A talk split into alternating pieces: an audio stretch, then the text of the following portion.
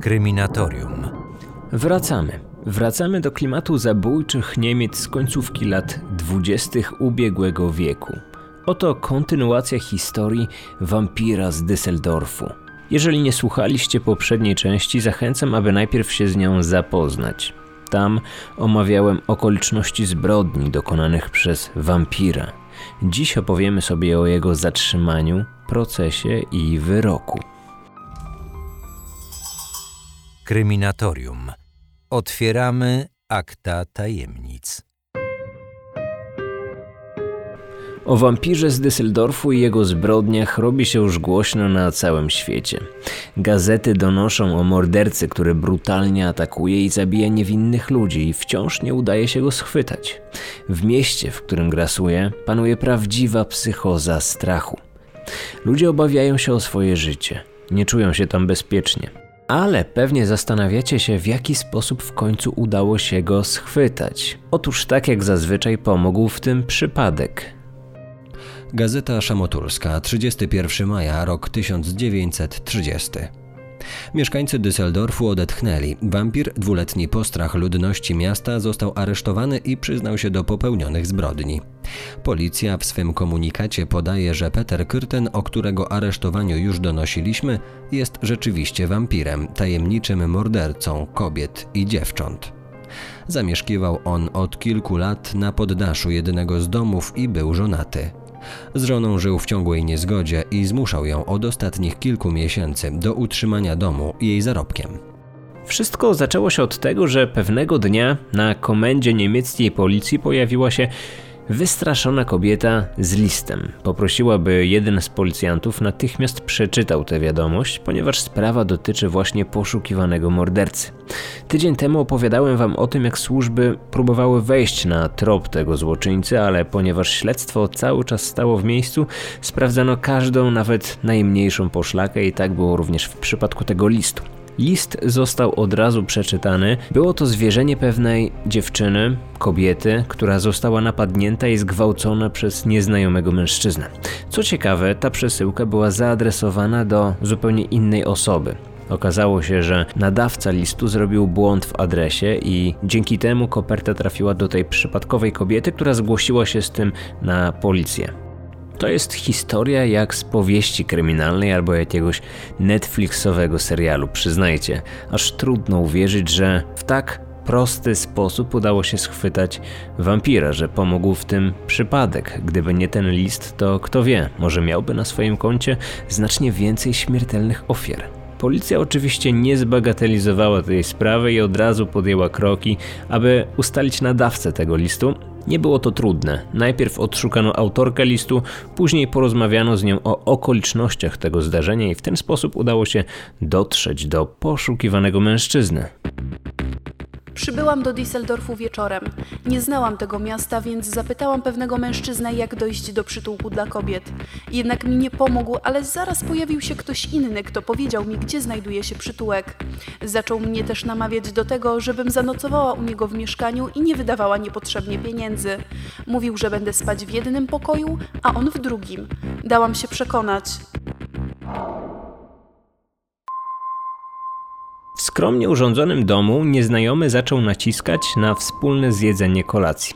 Dziewczyna już wtedy była coraz bardziej zaniepokojona, coś musiało wzbudzić u niej podejrzliwość. Podejrzewam, że to zachowanie Petera no, nie było naturalne, było dziwne, dlatego ona stwierdziła, że jednak woli tę noc gdzieś spędzić na mieście, że tam poszuka noclegu. Jednak Peter był na tyle przekonujący, że dziewczyna została do końca posiłku. Później wyszli razem. Peter zdecydował się na to, aby ją odprowadzić. No i po pewnym czasie zboczył z drogi, pociągnął ją za sobą. Kobieta wpadła w panikę, zaczęła krzyczeć. Możesz wrzeszczeć ile sił. I tak nikt cię nie usłyszy postanowiono sprawdzić dom, do którego kobieta udała się z nieznajomym. Początkowo był problem, żeby do niego dotrzeć, ale w końcu udało się znaleźć właściwy budynek.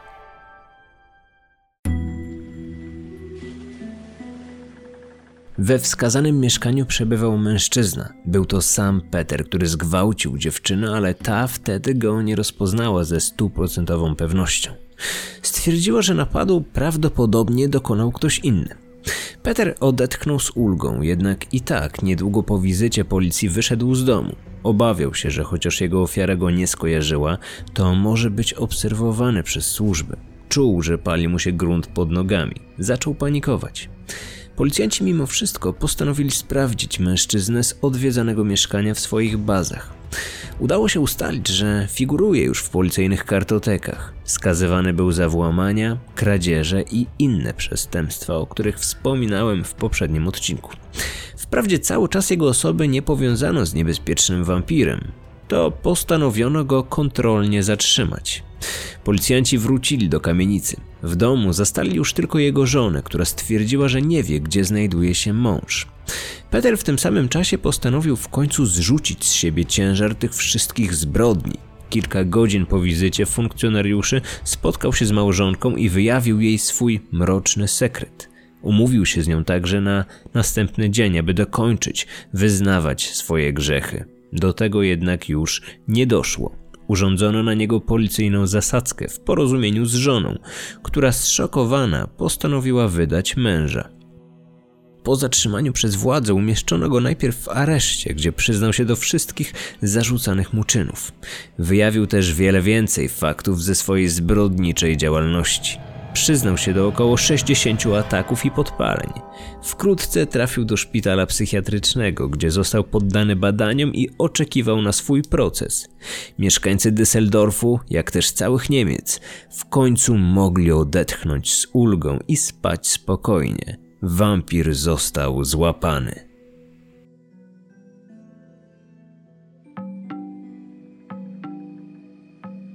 Gazeta Powszechna, 26 października, rok 1930. Osadzony w zakładzie dla obłąkanych, tak głośny morderca z Düsseldorfu rozchorował się tam tak ciężko, że lekarze wątpią, by dożył do swojego procesu, który ma odbyć się w lutym 1931 roku. Widocznie dopiero teraz zaczęły mu doskwierać wyrzuty sumienia do tego stopnia, że czasami godzinami leży bezwładnie w swojej celi. Innym razem się zrywa, rycząc jak zwierzę. Zdwojono przy nim dozór w obawie, że będzie usiłował pozbawić się życia. W lutym 1931 roku wszystkie gazety informowały o gotowym akcie oskarżenia, który liczył ponad 200 stron. Peterowi zarzucano 9 zabójstw, w tym 8 kobiet, jednego mężczyznę i 7 usiłowań. Proces cieszył się ogromną popularnością. Wcześniej nie było takiego przypadku. Przygotowania do sprawy zajęły wiele, wiele miesięcy. W Gazecie Powszechnej możemy przeczytać, że proces nie mógł odbyć się tak jak zazwyczaj w gmachu sądu, ponieważ sprawa wzbudzała zbyt wielkie zainteresowanie i sala nie pomieściłaby wszystkich dziennikarzy, a także zwykłych osób, które chciały zobaczyć zabójcę na żywo. Dlatego też stwierdzono, że idealnym miejscem, w którym zostanie osądzony zbrodniarz, będzie dawna sala gimnastyczna, która należała do wojska. Znajdowała się na peryferiach miasta.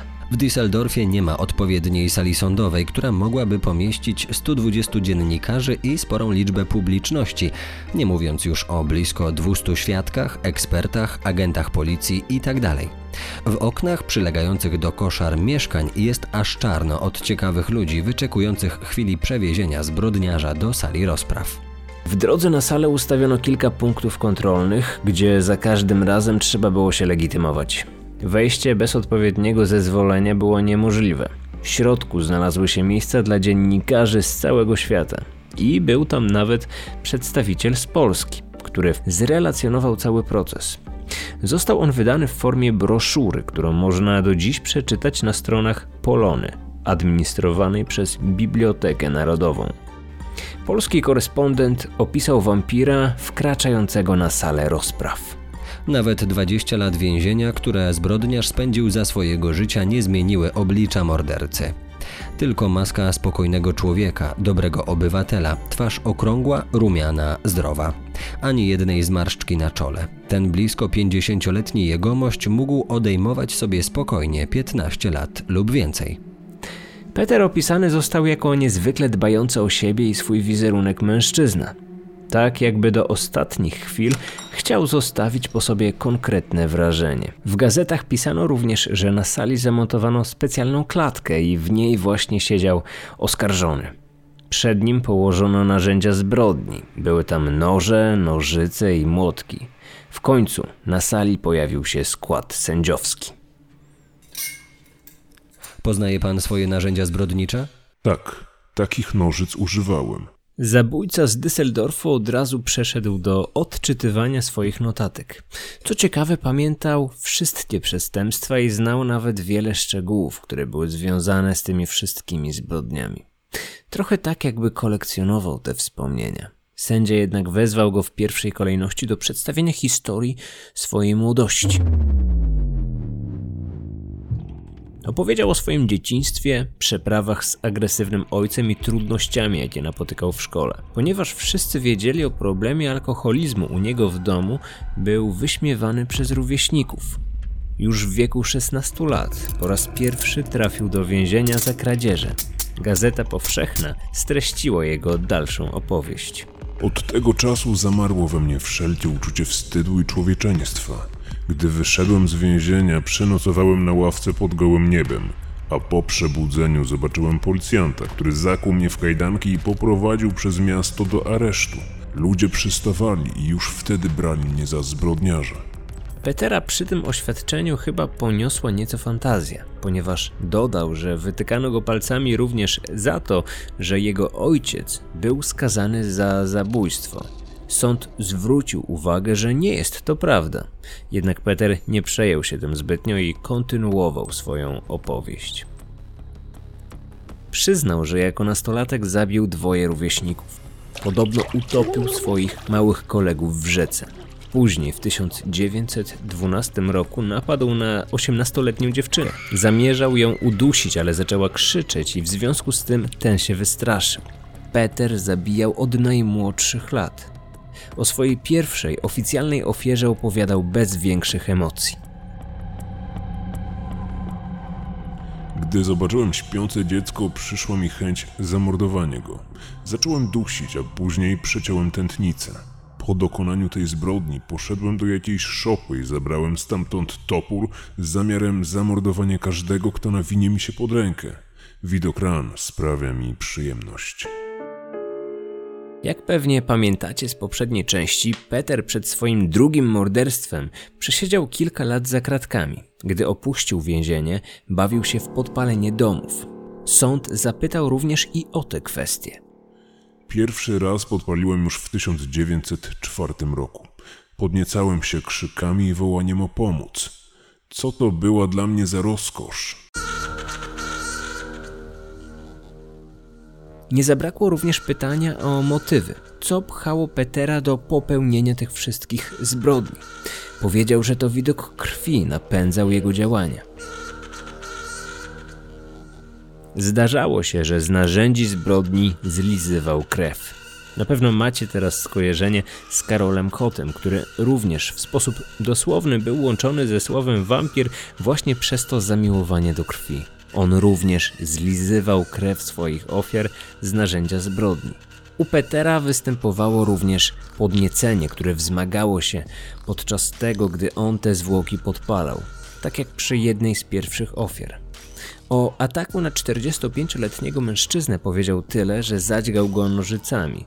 Ciosy były tak głębokie, że miał później problem z wyjęciem tego narzędzia zbrodni z ciała ofiary. Na rozprawie nie mogło także zabraknąć pytania o listę do prasy.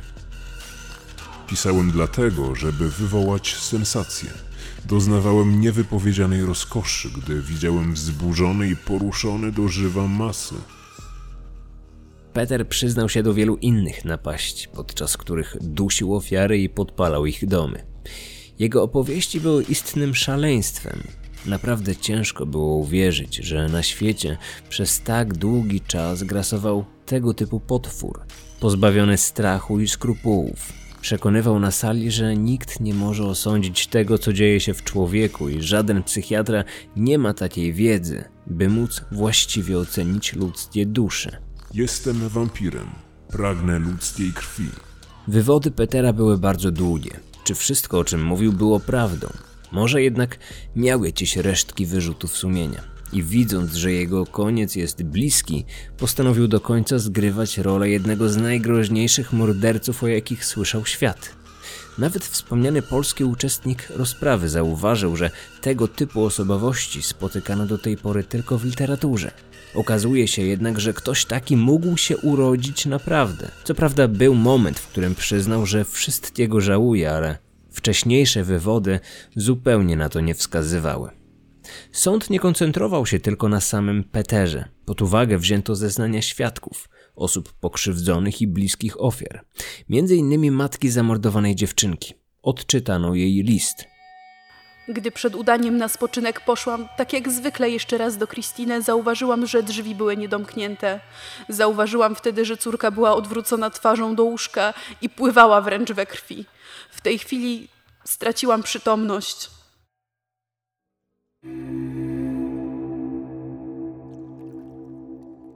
A co z żoną zabójcy? Otóż kobieta została początkowo zatrzymana razem z nim. Podejrzewano ją o współudział w tych wszystkich przestępstwach, jednak dość szybko ją wypuszczono. Nie wytrzymało szoku spowodowanego tymi najnowszymi doniesieniami i załamała się. No, trudno jej się dziwić. Mężczyzna, z którym mieszkała przez wiele lat, nagle okazuje się, że miał drugą, zupełnie inną, mroczną twarz, że był zabójcą. Wylądowała w szpitalu psychiatrycznym. Tam naiwnie wierzyła w niewinność swojego męża. Na sali rozpraw pojawił się także 70-letni ojciec Petera. Jego pojawienie przed sądem wywołało spore zaciekawienie. W końcu Peter to głównie jego oskarżał o swoją demoralizację, sugerował, że to właśnie alkoholizm ojca miał wpływ na jego późniejsze dorosłe życie. Wszyscy zastanawiali się, co takiego powie ojciec. Peter na ten czas został wyproszony z sali. Mężczyzna opowiedział o tym, co wiedział, ale fakty są takie, że wiedział niewiele. Stwierdził, że prawie żadne z jego dzieci nie miało konfliktu z prawem, jedyną czarną owcą był właśnie Peter, Przesłuchanie ojca nie trwało długo. Był to schorowany mężczyzna w podeszłym wieku i sąd szybko dał mu spokój. Dzieciństwo miało wpływ na rozwój, jednak nie można stwierdzić u Petera choroby psychicznej. Wszystkie jego pragnienia są wytworem myśli o gwałtach i erotyzmie, Rozprawa w sprawie Kyrtena trwała 10 dni. Częściowo była utajniona ze względu na brutalne szczegóły dotyczące ofiar.